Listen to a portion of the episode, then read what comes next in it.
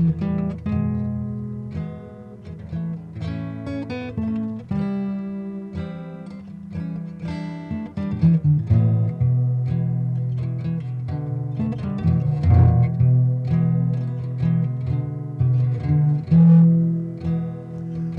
بكل مشاهدي ومتابعي القناة. اليوم نتكلم عن موضوع الحشيشة أو نبتة الكنابس أو ما يسمى بأمريكا ماريوانا. وهي تعتبر المخدر الأول المنتشر جدا في العالم ويعتبر يعني على ما أعتقد أرخص أنواع المخدرات. لكن مع أنها تصنف مع المخدرات وكثير من الدول لا زالت ممنوعة قانونا إلا أنها ليست مخدر بمعنى المخدرات القوية مثل الهيروين والكوكايين والمورفين فإنها تنتمي إلى عائلة مختلفة تماما من هؤلاء المخدرات التي تعتبر خطرة وأخطر بكثير طبعا من الحشيشة أو أو الماريوانا. الماريوانا أو الحشيشة هي نفس النبتة وأصلها يعتقد من أواسط آسيا فتنمو هناك بشكل طبيعي وطبعا انتقلت إلى كل أنحاء العالم وأعطيت لها تسميات مختلفة لكنها تقريبا نفس النبات ويعطى لها نفس الاسم العلمي. ونفس النبات أيضا يستفاد منه في صناعة الهمب لوجود الفايبر بمعنى أنه كانت يصنع منها الحبال أو الأوراق للكتابة أو حتى الملابس. والإنسان ذكر عبر التاريخ تأثير هذا النبات على العقل وعلى الوعي. وهناك كثير من الآثار التي وجدت في أوروبا، آسيا وأفريقيا التي تثبت هذا الكلام، طبعا آثار من قبل الآلاف السنين. وهناك مستعمرات اكتشفت تقريبا 2200 إلى 1700 قبل الميلاد في وسط آسيا. ووجدت هناك مستحضرات ومواد مصنوعة من البوبي أو الأفيون نبتة الأفيون وأيضا من نبتة الكنابس أو الحشيشة. وهناك موقع في أواسط آسيا قبر لساحر عشيرة أو قبيلة ما يسمى بشامان. واكتشف في القبر أوعية تحتوي على الكنابس. وهذا القبر يعود إلى 2700 سنة ماضية. وهناك قبور أخرى أيضا اكتشفت في غرب الصين تقريبا 2500 سنة ماضية. أيضا تحتوي على نفس المواد التي اكتشفت في هذا القبر. نرى أيضا أن الكنابس مذكورة في المخطوطات الهندية تقريبا ما بين 2000 إلى 1400 سنة قبل الميلاد، حتى كانت تستعمل في الطقوس الدينية مثلا في احتفال أو عيد الهولي أو الاحتفال الربيع. واقدم مخطوطة ذكرت فيها استعمال هذه النبتة هي للمؤرخ الإغريقي المعروف هيرودوتس وهو يذكر فيها قوم تسم يسمون بالسيثيانز أو الساثيانز وهم قوم سكنوا الأراضي التي تقع شمال بحر قزوين إلى شمال البحر الأسود يعني تقريبا بين وسط آسيا إلى أوروبا. ووصف بأنهم كانوا يأخذون حمام بخاري من احتراق نبتة الكنابس. وحتى وصف كيف يصنع هذا حمام البخاري تؤخذ الحبوب وكانت تطحن وتوضع في غطاء ومن ثم يحرق هذا الغطاء وينبعث بخار فيه رائحة طبعا متخصصة بنبات الكنابس. وانتقل استعمال هذه النبتة إلى الصين في القرن الثالث الميلادي حيث كانوا المؤمنين بديانة الداو أو الداوست كانوا يستنشقون دخان هذه النبتة أيضا ومن ثم انتقلت إلى أوروبا والعالم القديم. هناك كثير من القصص كيف وصلت الحشيشة إلى دول الشرق الأوسط وكيف بدأ يستخدمها المسلمون. من الصعب الإثبات أي قصة منها صحيحة.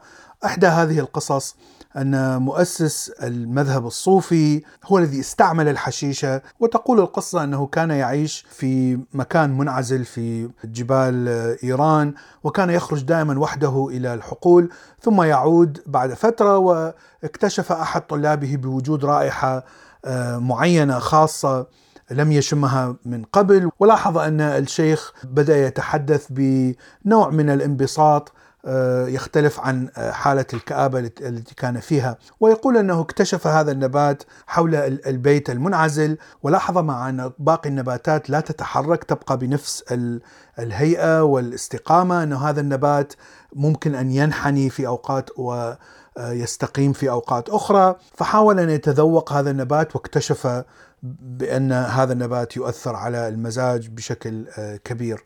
تقول القصة أن مؤسس الصوفية ظل عشر سنوات بعد هذه الحادثة دائما يستعمل نبتة الحشيشة إلى أن توفى ومن ثم انتقلت هذه العادة إلى تلاميذه وبدأت تنتشر إذا ما هو هذا التأثير؟ لننتقل إلى العلم ماذا يقول العلم عن هذا التأثير؟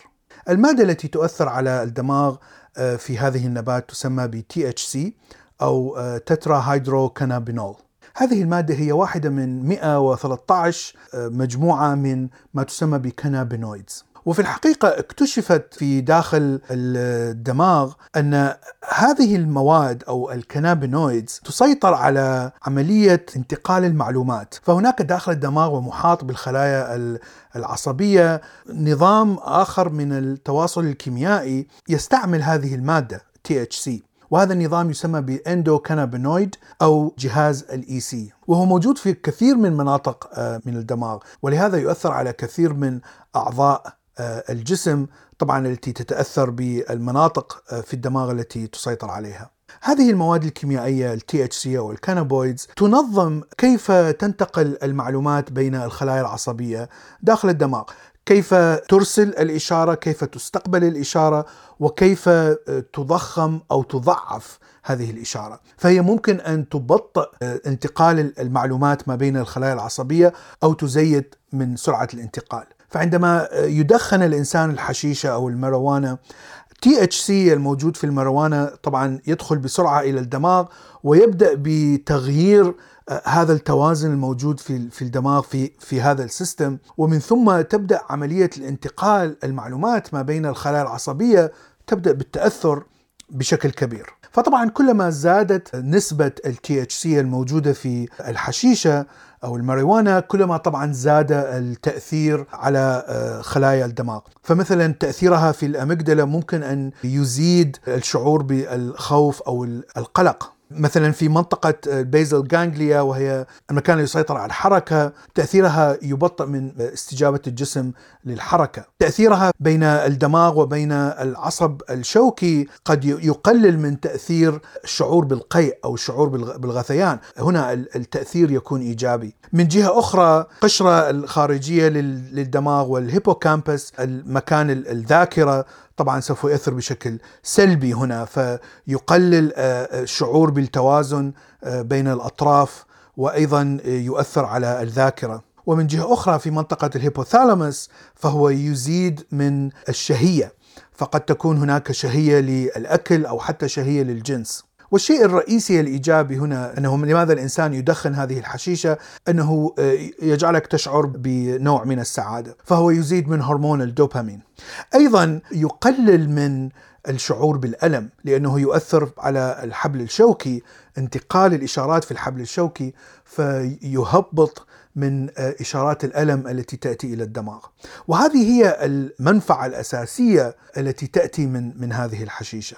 أيضا المنفعة الأخرى قد تكون آه، أنه يؤثر على الفص الأمامي فيؤثر على التفكير على القدرة على اتخاذ قرار وحتى على الشعور أو عملية فهم آه، وإدراك الإشارات الضوئية أو السمعية التي تأتي من العين والأذن. فقد يفسر الإنسان صور معينة أو أصوات معينة بتفسير آخر تماما ليس له علاقة فيها. فنسبة ال THC التي مستعملة الآن مثلا في ماريوانا المقدمة مثلا في أمستردام وهي ليست ممنوعة هناك هي حوالي 18% هناك رأي طبي يقول ماريوانا بنسبة سي أقل من 25% فهذه تعتبر نسبة ليست خطرة. الشيء المعروف أن النسب المستعملة في الماريوانا القانونية هي ما بين 16 و 18% لكن هناك دراسة تقول أن عادة الحشيشة القوية التي يستعملها مدمنون تحتوي على 25 إلى 30% نسبة من ال THC